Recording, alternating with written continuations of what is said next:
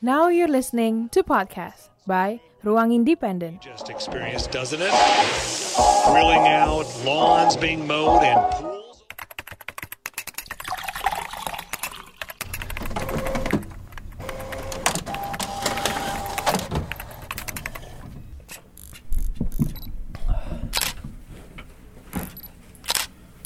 Ya, selamat pagi, selamat sore, selamat malam atau ya apa pun waktu itu kalian mendengarkan. Selamat datang di podcast Kompres 2019 Create to Unite.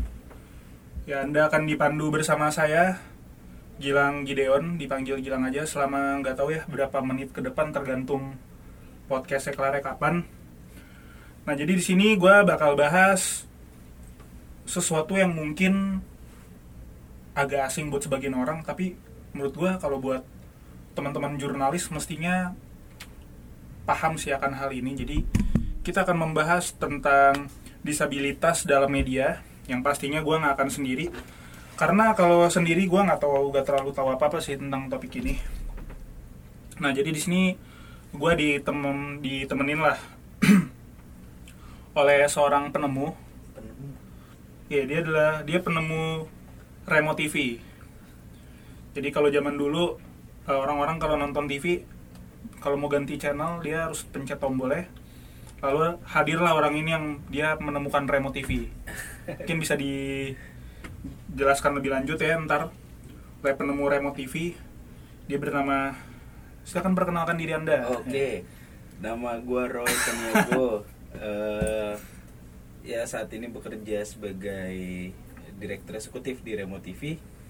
Jadi Remo TV ini bukan remote TV dalam pengertian remote yang kita pakai untuk mengontrol TV, tapi sebuah lembaga penelitian eh, media begitu. Betul, ternyata lembaga penelitian media. Maaf saya tidak lucu. Bukan minta maaf karena salah, karena lucu. Nah jadi eh, Roy ini dia bukan cuman penemu dan direktur eksekutif Remo TV juga, tapi dia salah seorang pengajar dosen di universitas yang gua nggak perlu sebut namanya lah, pokoknya inisialnya UMN. Dia mengajar banyak banget lah, pokoknya yang jurnal-jurnal gitu lu ngajar apa aja sih? Sekarang lagi ngajar eh, kajian media. Oh, mengajar kajian media. Jadi, gue cerita dikit ya. Gue pertama kali nih ketemu Roy itu di semester kemarin, berarti pas gue semester 5. Jadi do, Roy ini apa ya? Dia termasuk dosen yang kalau lo lihat dari penampilan, wah kayak ini orang pinter. Tapi ketika lo denger dia ngomong, denger dia jelasin, wah kayak ini orang kepinteran. Enggak juga. Oke. emang tapi emang eh, kadang apa ya Roy ini kalau jelasin gue juga kadang suka bingung sih sama bahasanya dia Oke. malah kadang kayak kayak lu suka bingung sendiri gak sih kalau jelasin sesuatu Oke. itu karena terlalu kepinteran Dalam kepintaran bukan enggak lah. Jadi mungkin boleh dijelasin lagi Roy latar belakang pendidikan lo kayak segala macam Hmm, pendidikan gue terakhir kali itu S2 di eh, bidang eh, kajian media dan komunikasi. Kajian media ya? Di Lund University di Swedia. wah gila di Swedia. Tapi satunya di bidang musik. yang satunya di bidang musik? Ya, kenapa lo bisa dari musik terus ke kajian media nggak nyambung aja. Emang kebetulan kecelakaan semua.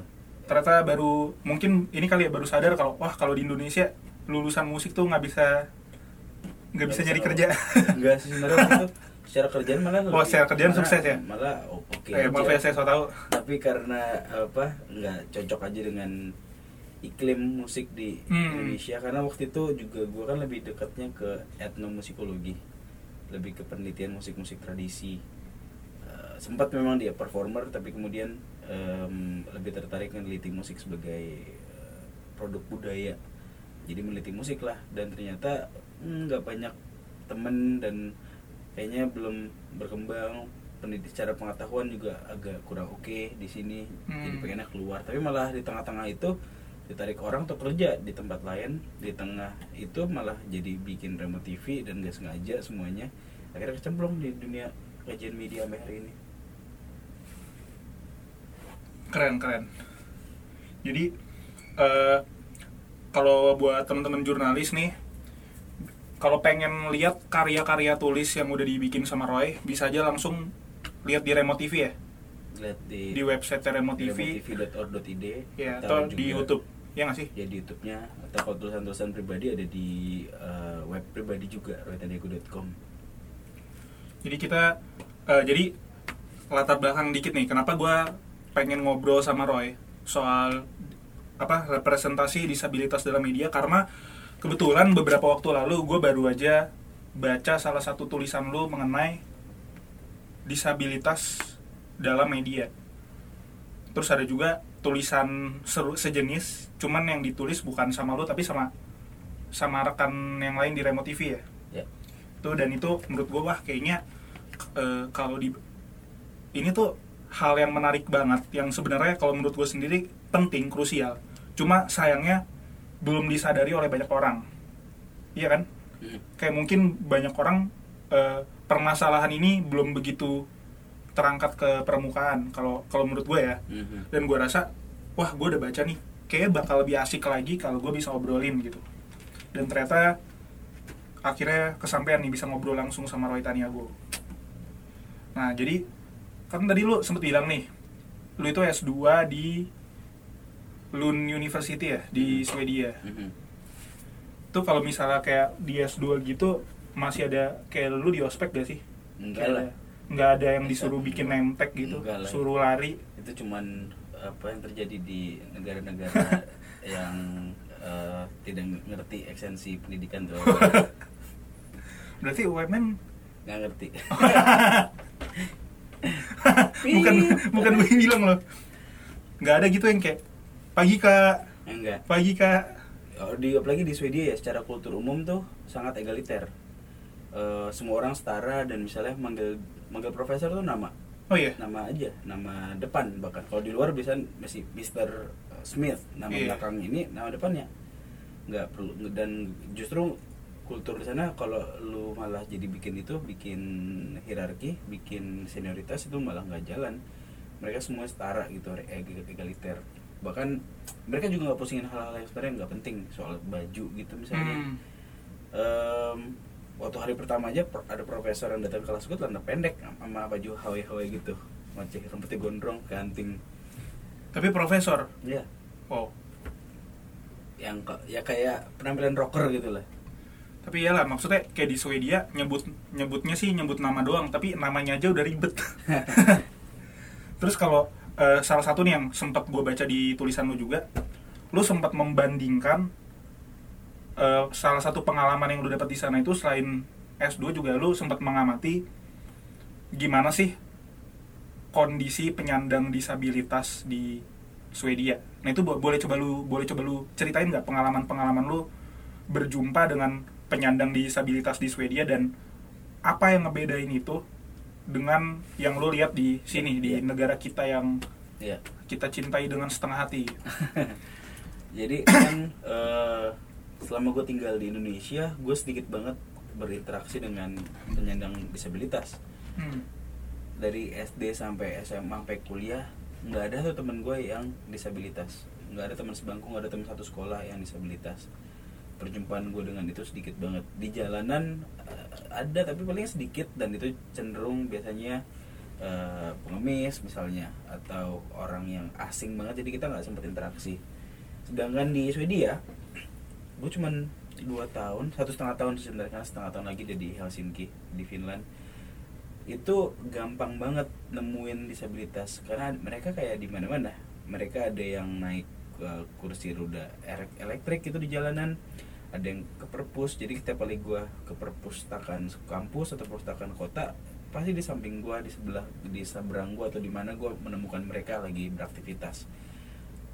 Tadinya gue berpikir apakah kota ini yang jumlah penduduknya cuma 88 ribu di kota itu? Apakah jumlah disabilitas segini banyak sampai gue begitu sering lihat ternyata bukan masalah mereka banyak tapi kota itu yang mengizinkan mereka untuk keluar rumah. Kota itu yang membuat mereka bisa beraktivitas secara mandiri tanpa perlu bantuan orang. Mereka bisa independen. Dalam konteks itu mereka bukan lagi disabilitas artinya. Karena mereka sudah bisa mengatasi eh, batasan-batasan dirinya dan mereka bisa eh, hidup sendiri kayak orang pada umumnya. Dan dan di situ menurut gue beda banget bagaimana eh, kota itu mengizinkan mereka untuk eh, apa namanya beraktivitas kayak kayak yang yang kita jarang jumpain di sini kalau di apa berarti eh, kalau bicara mereka di sana beraktivitas layaknya orang-orang yang eh, punya Non-disabilitas. non disabilitas itu itu ada ngaruh dari ininya juga nggak sih kayak mungkin fasilitas umumnya Mm. atau eh, budaya masyarakatnya Mm. Ya, fasilitas umumnya justru sangat bagus banget. Misalnya kalau kita ngeliat trotoarnya itu memang memfasilitasi mereka untuk bisa jalan Eh, rambu-rambu apa guiding blocknya itu jelas. Lalu kalau lu naik kendaraan umum bis bisnya bisa kempes dan miring Css, gitu. Jadi orang dengan roda bisa masuk dengan gampang tanpa perlu digotong-gotong kayak di sini. Atau Hmm. di sini pakai portable rem ya. Jadi rem tuh kayak tanjakan iya yang di yang portable. Harus kalau itu harus dipasang lagi segala macam dan bikin repot gitu ya. Di sana enggak. Em, ya jadi gitu. Fasilitasnya sangat memungkinkan mereka untuk bisa terlibat. Dan kalau orang-orangnya sendiri ya nggak tahu juga persisnya ya. Tapi nggak mungkin kalau orang-orang nggak gitu nggak sangat inklusif nggak mungkin kotanya akan inklusif. Karena kota inklusif itu ada nggak secara tiba-tiba. Pasti ada karena perjuangan ada ada dorongan dari cara berpikir di masyarakat tersebut yang mendorong negaranya untuk memenuhi kewajibannya untuk eh, apa memfasilitasi warga negara yang disabilitas. Kalau misalnya apa hmm, berarti kalau dibandingin sama di Indonesia itu jauh banget ya? Mm, di sini ya susah. Kalau lihat banyak teman-teman disabilitas kan nggak usah disabilitas kita yang non disabilitas jalan aja susah banget karena trotoarnya rusak semuanya iya sih Iya. Eh, ada PKL atau parkiran motor atau dipakai parkir mobil di sub, mobil polisi. Ap- eh, apa sih kalau terus eh, kalau menurut lu gimana nih satu hal yang gue rasain tentang penyandang disabilitas di Indonesia kayak mereka tuh ke keberadaannya kayak cenderung disembunyikan gitu gak sih? Hmm, kayak justru orang tuh misalnya punya anggota keluarga yang penyandang disabilitas entah fisik atau mental kayak justru mereka tuh malah takut kalau si ang- si anggota keluarganya si penyandang disabilitas ini keluar terus berinteraksi sama orang gitu. Ya iya nggak sih? Ya. Eh, gua nggak punya banyak pengetahuan soal ini, tapi gara-gara belakangan jadi banyak, jadi karena meneliti ini dan berinteraksi sama teman-teman disabilitas, jadi mereka cerita. Iya, jadi memang ada kecenderungan keluarganya itu eh, apa mem- meng- merumahkan teman-teman Hmm. disabilitas karena faktornya banyak pertama membuat karena takut mereka kesulitan di jalan atau takut mereka dibully di tempat umum atau bahkan mungkin keluarga juga malu kalau mereka diajak terlibat dalam kegiatan-kegiatan eh, umum gitu ya kegiatan keluarga dan lain-lain. Jadi itu terjadi. Nah dalam kondisi itu ada satu komunitas namanya JBFT Jakarta Barrier Free Tourism. Kerjaan mereka adalah eh, utamanya adalah mengajak orang-orang disabilitas untuk keluar rumah dan memakai fasilitas-fasilitas publik. Jadi mereka ngetes trotoar ini bagus apa enggak. Terus eh, Transjakarta jalur mana yang bu- buruk. Kemarin mereka misalnya dilibatkan dalam rancangan MRT mereka dilibatkan dan dan ngetes seberapa jauh itu itu eh, fasilitas di MRT cukup oke. Tapi tujuan mereka sebenarnya adalah mengajak anak eh, teman-teman disabilitas untuk ayo kita keluar bersama-sama kita ada teman kita nggak lo nggak sendiri kita ada teman bareng dan ayo kita hadapi dunia ini dan kita tantang dunia ini untuk memfasilitasi kebutuhan kita. Itu yang sangat positif ya dari JBFT berarti kayak gitu udah bisa di bisa dibilang ini nggak sih kayak udah ada perkembangan di Indonesia eh, terkait dengan awareness masyarakat terhadap penyandang disabilitas Hmm, lagi-lagi nggak bisa berani jawab banget karena ini Ah. harus yang jawab langsung harus teman-teman disabilitas tapi eh, apa kita ini masih dalam fase yang disebut dengan eh, charity model jadi kalau ngomongin disabilitas itu ada banyak model ya untuk, Hmm. untuk model-model ini maksudnya cara masyarakat memahami apa itu disabilitas yang paling purba misalnya itu disebut eh, religious model religion model ini mereka melihat disabilitas sebagai misalnya akibat dari eh, Dosa. dia berbuat dosa sehingga dia mendapatkan eh, karma eh, matanya nggak bisa lihat misalnya atau Hmm. nggak bisa jalan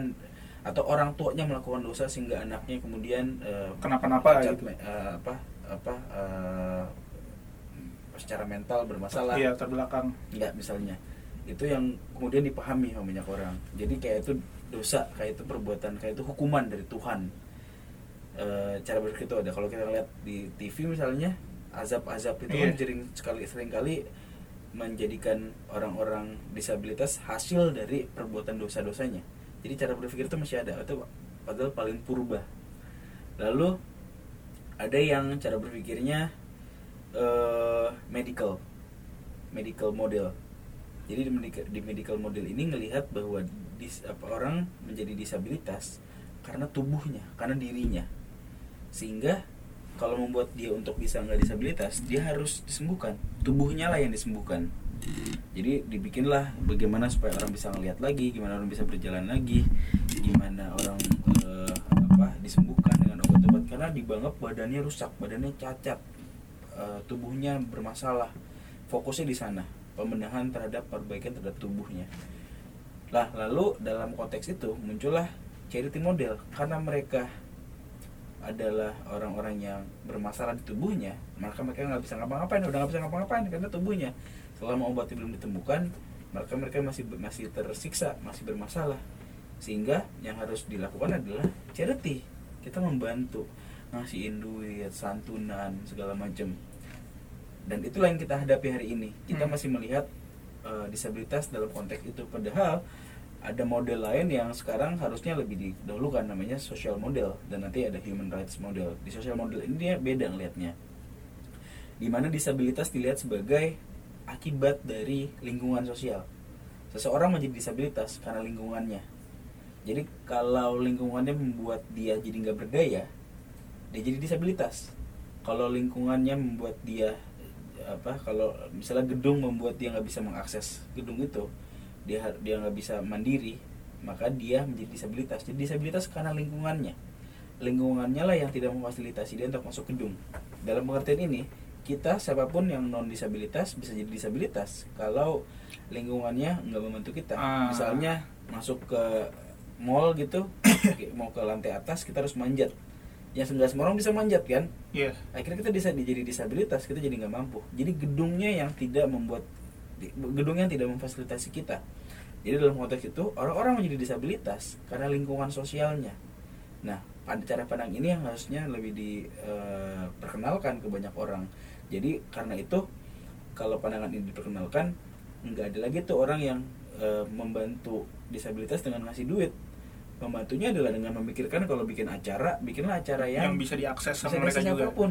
Bikinlah gedung dengan mempertimbangkan bahwa ada teman-teman disabilitas yang mungkin akan masuk gedung ini suatu hari. Dan seterusnya dan seterusnya.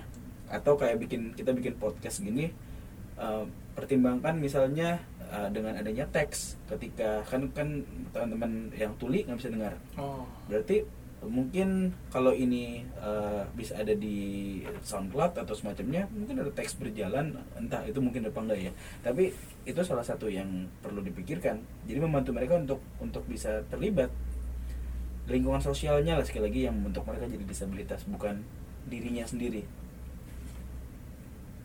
Terus kalau ini eh, gimana sih? Sejauh ini media merepresentasikan penyandang disabilitas itu? Em, ya ma- mayoritas masih masih dalam cara pikir yang tadi eh, apa charity model mayoritas dan em, atau yang bahkan tadi religious eh, model juga masih ada kan yang azab azab tadi Iya. yang charity model ini gambar dari eh, bagaimana kita membantu mereka dengan uang segala macam dan lupa nggak memperjuangkan hak-hak sipilnya.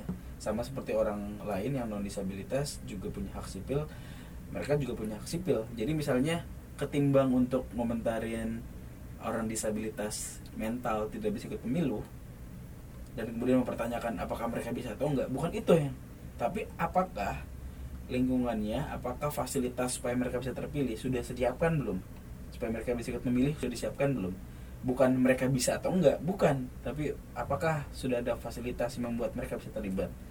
Itu yang kemudian eh, salah di, di, di, di persepsi di media semacam itu. Tapi di luar hal itu ada beberapa problem ya eh, mengenai representasi. Artinya kemunculan mereka di media. Nah dalam urusan representasi biasanya ada dua masalah. Misrepresentasi dan underrepresentasi. Jadi representasi yang kurang dan representasi yang salah representasi yang kurang misalnya kita sedikit banget tayangan TV yang ada disabilitas. Mereka nggak ada di TV di dalam sinetron sedikit kalaupun ada biasanya karakternya bermasalah.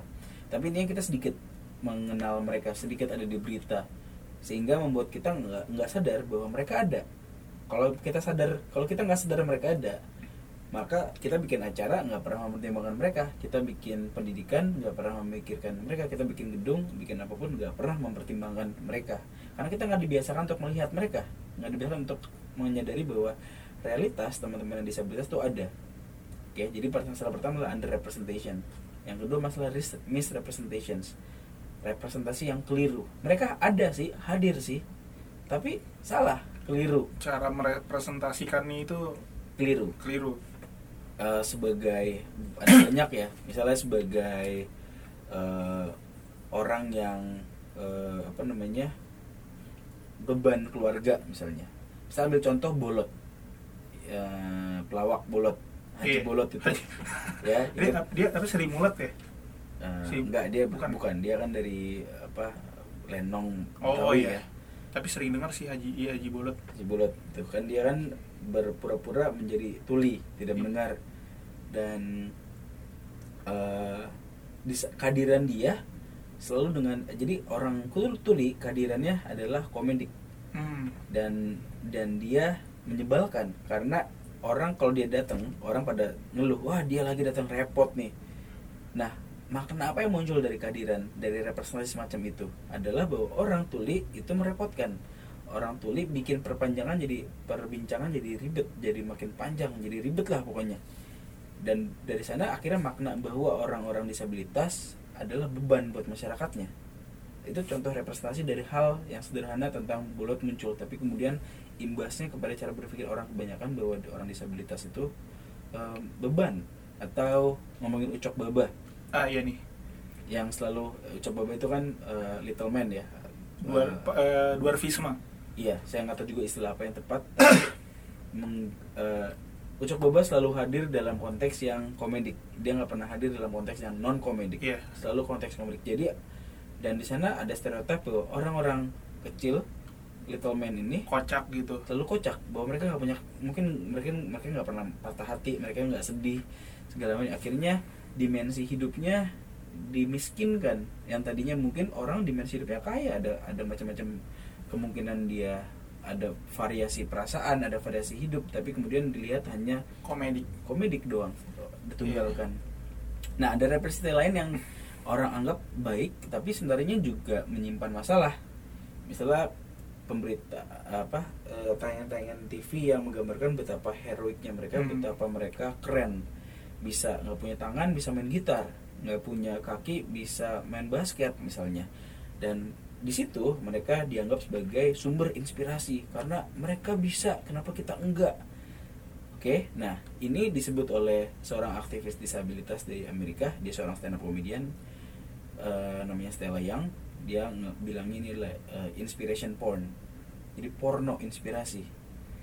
Kenapa dia nggak porno? Karena seperti film porno, film bokep itu fungsinya hanya mengobjek- memuaskan hasrat Iya, mengobjektifikasi orang dan kemudian kita Oh. mengambil benefitnya. Tapi orang yang ada di sebagai eh, pemainnya tidak eh, mendapatkan manfaat selain uang tentunya. Tapi dalam konteks yang sama kan di orang yang menjadi sumber inspirasi juga begitu.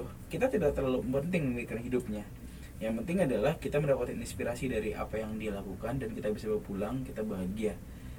Mereka adalah objek yang kita eksploitasi. iya Jadi mereka hanyalah objek inspirasi, tidak lebih daripada itu. Mereka cuma jadi alat untuk memuaskan, untuk membuat kita merasa lebih baik.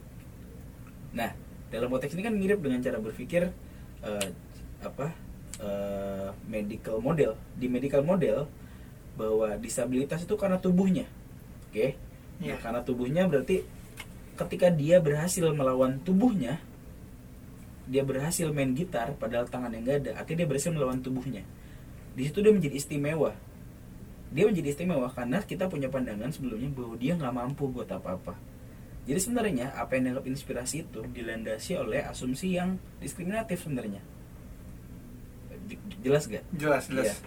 Oke, itu jadi problemnya. Dan, dan itu orang menganggap itu justru wah keren, inspiratif segala macam para paralimpik juga semacam itu dan banyak yang mengkritik soal itu. Ya tentu tapi eh, mungkin untuk sampai ke level itu sangat eh, butuh eh, advance banget ya untuk memahami bahwa inspiration porn itu bermasalah. Karena kayak kita, kita kan nggak pengen diting- dianggap di misalnya Stella ini cerita dia di YouTube bisa ditonton di YouTube dia cerita dia kalau bikin acara atau jadi lagi ngajar tiba-tiba ada yang nanya "Eh, kapan lu akan eh, pidato? Pidato apa? Pidato yang inspirasional? Kayak biasanya orang-orang rata-rata kalau yang duduk di kursi roda suka ke kampus ke sekolah lalu suka kasih pidato yang inspirasional. Lu kapan nah dia berarti lucu. Kenapa dia selalu diberikan peran untuk menginspirasi orang? Kenapa orang lain tidak pernah? Apakah hidup seorang disabilitas? Tugasnya hanya Menginspirasi untuk orang lain. menginspirasi orang. Tidak lebih daripada itu. Jadi dimensi hidupnya dimiskinkan lagi. Kita nggak dikasih lihat dimensi-dimensi lain. Iya sih. Terus kalau dipikir-pikir juga sebenarnya dengan adanya tayangan-tayangan inspiratif itu yang paling diuntungkan yang bikin tayangan. oh iya Kan dia yang dapat rating, iya dapat duit segala macam. Terus gue mau nanya nih. eh, kira-kira sejauh ini ada nggak sih contoh representasi kaum atau penyandang disabilitas yang baik? Itu seperti apa? Mungkin ada kayak contoh tayangan apa atau kalau di Indonesia belum kepikiran tapi karena kemarin kebetulan di Remote TV baru nerbitin artikel itu ini kita ngomongin bagaimana Game of Thrones banyak tokoh-tokoh yang Nah, ini gua suka ini. Kebetulan gue nonton, juga. nonton ya bagaimana tokoh-tokoh disabilitas muncul di sana cukup banyak dan dan keren posisi-posisinya kita lihat Tyrion Lannister Iya. orang eh, Little Man Di Dewa Visma juga. ya dan dia tidak komedik bahkan dia punya posisi sangat sentral dalam cerita dia pinter Agak di- jahat juga orangnya. iya da- eh, intinya dia punya posisi yang dia jenius banget Iya. dan punya posisi paling penting. Dan ini ini keluar dari gambaran umum yang biasanya merepresentasikan eh, Little Man dengan uh, komedik bertolak belakang lah istilah bertolak belakang banget sama Ucok Baba gitu kan. Ya atau eh, si Bran eh, Bran Stark. Iya. Brandon Stark dia juga eh, disabilitas kan dia nggak bisa jalan dia lumpuh ya digambarkan juga posisi dia yang yang penting dalam cerita. Dia disabilitas tapi tidak beda dengan orang lumpuh yang digambarkan di banyakan TV Indonesia yang tidak berdaya sekali. Dia malah punya peran yang penting dan dapat mampu membaca, masa depan dan lain-lain.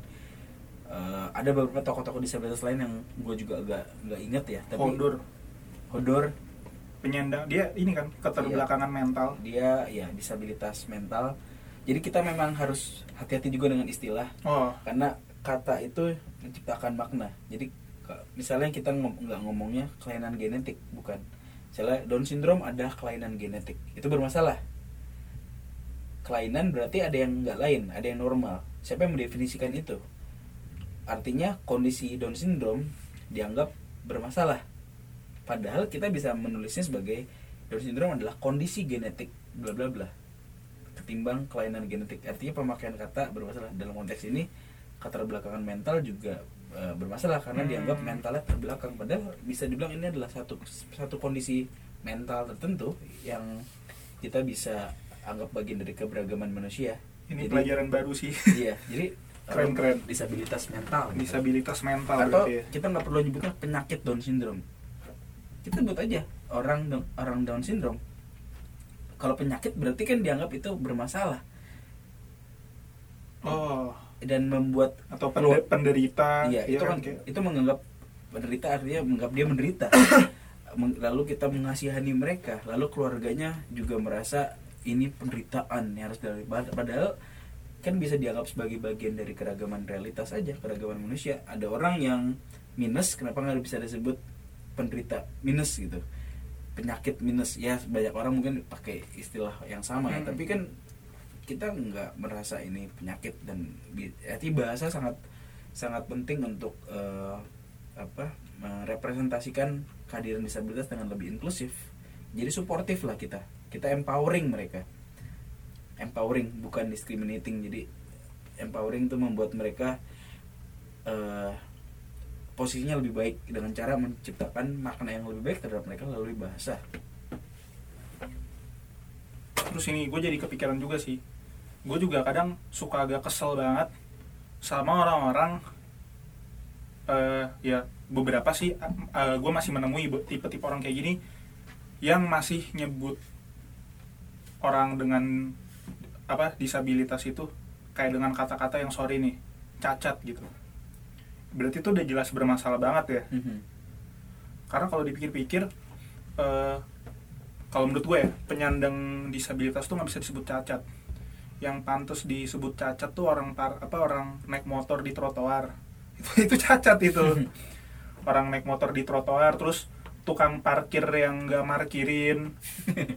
Tuh iya itu itu gue nggak tahu ya ini secara kajian media benar atau tapi kalau menurut gue gelar cacat itu lebih pantas dikasih buat orang kayak gitu tuh. Tukang parkir gaib. Yang cuma modal motor ditarik mundur terus dia minta duit kayak kayak gitu-gitu sih. Jadi ini tapi eh, apa gue seneng banget sih bisa ngobrol sama lo kayak gini. Maksudnya gue dapet banyak banyak hal yang gue jadi yang sebelumnya gue nggak tahu atau gue tahu tapi pemahamannya kurang benar tentang disabilitas ini terus kalau menurut lo lagi eh, apa sih langkah awal yang bisa dilakukan oleh jurnalis ketika harus meliput atau membuat tulisan tentang yang berkaitan dengan disabilitas ini. Eh, pertama dulu kesadaran bahwa sekarang kita harus mengadopsi social model Social model. dan human rights model yang tadi Human bahwa rights. disabilitas diakibatkan dari lingkungan bukan dirinya oke nah di human rights model eh, lingkungan yang tidak berpihak kepada mereka ini harus diatasi oleh salah satunya oleh negara jadi negara harus menjamin setiap orang setiap warga negara punya hak yang sama untuk bertumbuh punya hak yang sama untuk bekerja punya hak yang sama untuk mendapatkan jodoh atau segala macam ya Iya. harus difasilitasi berarti ada orang yang nggak mampu ada orang yang gara-gara lingkungannya bukan gara-gara dirinya loh gara-gara lingkungannya membuat dia nggak bisa bekerja.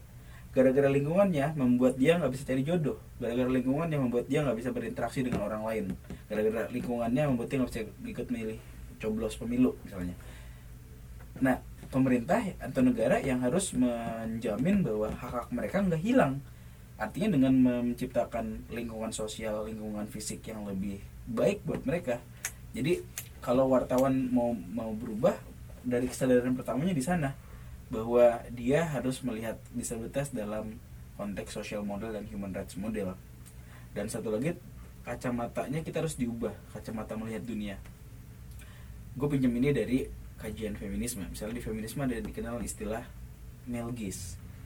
Tatapan oh. tatapan laki-laki. Ini eh, tentang teori yang menggambarkan bagaimana film itu cara kamera bekerja cara cerita di cara narasi cerita dibuat itu selalu dari kacamata asal dari mata laki-laki. Tatapan laki-laki. Kamera bekerja mengeksplorasi dan mengeksploitasi tubuh perempuan ke kacamata laki-laki. Kalau kita ngeliat tribun nonton bola gitu tribun yang disorot selalu cewek-cewek kan. Nggak Iya. pernah cowok-cowok. Itu mengandaikan bahwa cara kamera bekerja itu cara mata laki-laki bekerja.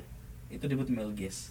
Nah gue mau memakai istilah sama untuk diterapkan ke dalam konteks eh, is- isu disabilitas. Iya. bahwa yang terjadi adalah hari ini non disability gaze jadi kita selalu memakai cara tatapan non disabilitas dalam melihat dunia.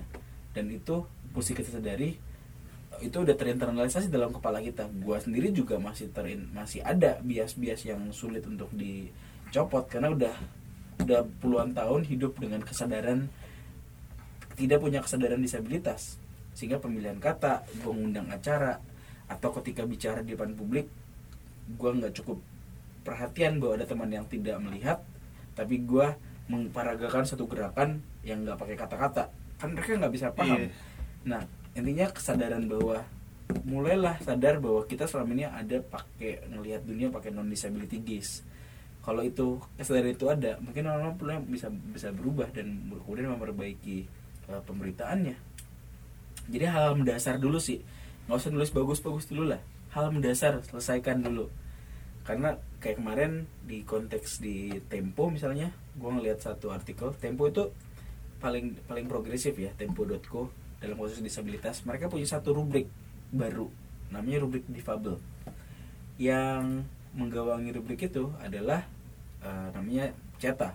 CETA ini disabilitas netra dia dulu wartawan Tempo dan kemudian mengalami eh, gangguan penglihatan yang lama-lama membuat dia tidak bisa melihat sama sekali tapi tetap bekerja di Tempo dan dia diberikan tugas untuk menggawangi rubrik difabel. Nah di rubrik ini positif dong bagus dong tapi banyak ada gue kemarin menemukan beberapa masalah dalam pemberitaan. Misalnya tadi Down cara menjelaskan Down syndrome adalah dengan Down syndrome adalah kelainan genetik.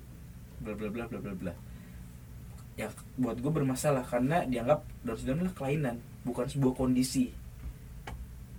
Nanti kan bedanya antara kelainan dan kondisi? Karena kalau kondisi kita agak cukup netral kita cuma mendeskripsikan sesuatu. Ketika kelainan ada faktor kualitas di sana. Nanti kita mengevaluasi si kondisi genetik seseorang. Siapa kita harus mengevaluasi dia? Hmm, dokter aja bukan gitu kan? Iya. gitu Hmm, menarik ya. Nah ini buat teman-teman jurnalis buat teman-teman jurnalis muda setelah mendengar penjelasan dari Roy ini gue berharap semoga kita semua dapat belajar dan bisa cobalah kita bantu teman-teman kita yang punya kondisi yang berbeda berarti ya. Eh kalau gue nyebut kondisi yang berbeda salah atau bener Ad- ya ada juga yang pakai istilah difabel kan. Oh, difabel di, different ability. differently able. Different Eh. ability. Different able jadi kemampuan yang berbeda. Mereka bukannya Oh. nggak mampu cuman punya Iya. kemampuan yang berbeda. Kayak kalau di gue pernah lihat juga di stand up komedinya Panji. Jadi kalau differently able itu kayak differently able. Jadi mereka bisa tapi beda. Iya. Bener bener kan? Iya. Oh. Cuman kedua istilah itu disabilitas sama difabel keduanya juga saling eh, masih dipertentangkan antara antara komunitas disabilitas sendiri. Ada yang lebih setuju istilah difabel ada yang setuju istilah disabilitas. Gitu. Gue juga sebenarnya ju- eh, dari tadi masih bingung sih. Makanya gue kadang kalau mau ngomong suka kayak ragu gitu. Ah. Ini gue kalau mau ngomong ini oke. gimana nyebutnya jadi Iya, jadi gue eh, ah, kenapa? gue ceritain deh. Jadi ah boleh boleh ya di di, di fable itu kan differently able ya. Jadi kemampuan yang berbeda. Mereka pakai istilah itu untuk untuk tidak mengatakan dirinya nggak bisa. Kami bukan nggak bisa kami bukannya cacat kami bukan yang nggak mampu. Tapi kami cuma punya kemampuan yang berbeda. Jadi mereka pakai istilah itu. Jadi mereka nggak mau dikasihani mereka nggak mau dibedakan. Hmm. Maksudnya mereka nggak mau jadi karena kondisinya mereka dibeda-bedakan, difasilitasi dan diistimewakan, enggak. Nah, kelompok pendukung istilah disabilitas merasa bahwa kalau pakai istilah difabel itu enggak mengaknowledge posisi mereka yang selama ini memang dirugikan, enggak mengaknowledge posisi mereka yang selama ini lemah. Justru harus dikasih highlight yang jelas bahwa mereka memang nggak mampu. Mereka memang disa- menjadi disabilitas tapi karena lingkungan. Justru dengan mengambil mengadopsi kata disabilitas itu meng- membuat identitas mereka sebagai korban dari sebuah lingkungan yang tidak berpihak kepada mereka. Kalau mereka tidak memakai istilah itu artinya mereka cuma dianggap nggak usah difasilitasi kan itu cuma beda doang kemampuannya. Oh. Jadi mereka harus secara jelas menyatakan dirinya kami memang nggak bisa tapi karena lingkungan lo bantu dong lo benerin dong jalanan lo jadi mereka pakai istilah disabilitas. Jadi tapi di antara keduanya masih berdebat lah begitu jadi kalau gua pribadi akan milih kedua kata itu secara bergantian aja sih untuk ya buat gue dulunya punya alasan yang sama-sama oke dan karena gua pengen suara mereka lah yang gue perlu dengarkan jadi gue pakai istilah yang keduanya diadopsi oleh mereka Oke oke, gua ngerti sekarang. Berarti eh kalau berarti lebih enak kalau kita nyebutnya penyandang difabel atau di disabilitas berarti ya Iya. Iya. kayak tuh buat teman-teman jurnalis muda yang mau menulis bisa digunakan dua pilihan kata itu Atau bisa cukup disabilitas. disabilitas Orang-orang disabilitas, orang-orang difabel.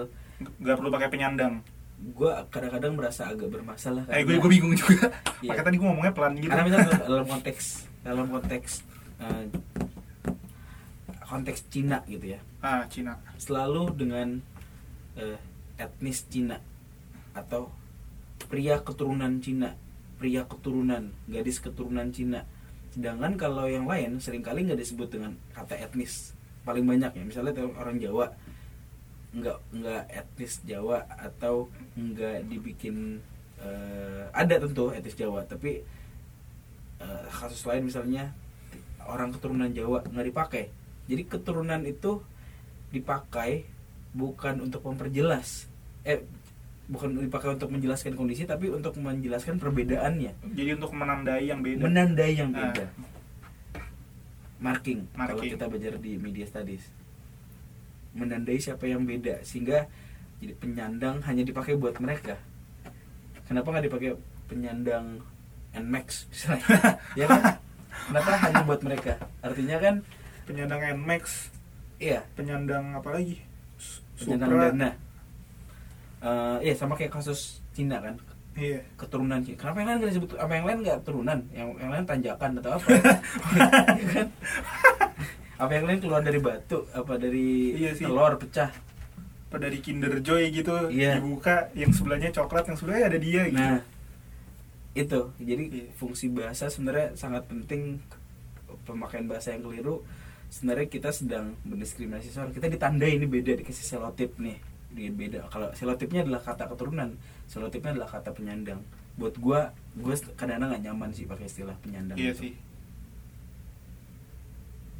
dan itu parahnya juga masih banyak di media ya kayak gitu Iya. Ya, karena mereka nulis bener aja belum bisa. nulis satu kalimat bagus aja jarang gitu. Jadi ya apalagi yang levelnya lebih jauh dari ini. Oke kalau gitu terima kasih banyak ya Roy Sama-sama. gue di sini seneng banget bisa ngobrol-ngobrol sama lu dan gue banyak dapat pencerahan juga dan pengetahuan baru.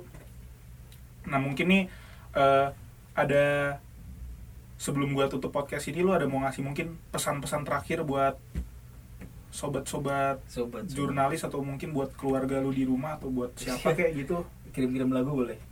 kirim-kirim lagu. Boleh boleh. Cuma ini bukan radio bapak. Dikasih suruh apa ngasih pesan Toto request lagu. Eh, minum air putih yang banyak ada itu aja pesan. Minum air putih yang banyak? Iya. Udah itu aja? Iya. Nggak ada pesan-pesan. Kebanyakan ini bahasa basi siaran eh, Indonesia ini. Pesan-pesan iya sih gue juga ya mungkin itu juga contoh bahasa basi itu udah kayak pola pikir yang terbentuk eh, bertahun-tahun karena akibat iya. media yang gue konsumsi kali ya. Jadi karena tradisi yang Iya. dalam akhir acara pasti harus ada pesan-pesan pesan-pesan gitu. Iya, yang sebenarnya mungkin nggak perlu karena udah nggak ada artinya nggak ada maknanya. Itu jadi eh, gimana ya? Susah juga sih yang ngomong sama orang kepinteran kayak gini. Apa? semua yang gue omongin salah gitu. Apa tadi? Penyandang disabilitas. Apa keterbelakangan mental tapi nggak apa-apa. Gue seneng banget bisa belajar. Jadi ya udahlah itu aja dari gue dan dari Roy juga. Ingat tadi pesan terakhir dari Roy mau seperti apa pun kita sebagai jurnalis pokoknya kita harus minum air putih yang banyak. Minum air putih yang Oke, banyak. kalau gitu gue Gilang dan Roy pamit undur diri yaitu basa basi. Basa basi lagi. Yang kayak sebenernya kalau menurut lu perlu gak sih kayak kalau orang mau mengakhiri suatu pembicaraan kayak ada undur dirinya kayak gitu? Ya, ya boleh aja kan boleh, pamit boleh kan? nih boleh nih ya. Ya pamit kan boleh. yaudah kalau ada gitu maknanya kan? Ada maknanya. Pamit. Yaudah kalau gitu ini beneran nih udah. Gue sama Roy udah pamit dah. Gue kalau ngomong lebih panjang gue takut salah lagi nih. Dia dah gue dan Roy pamit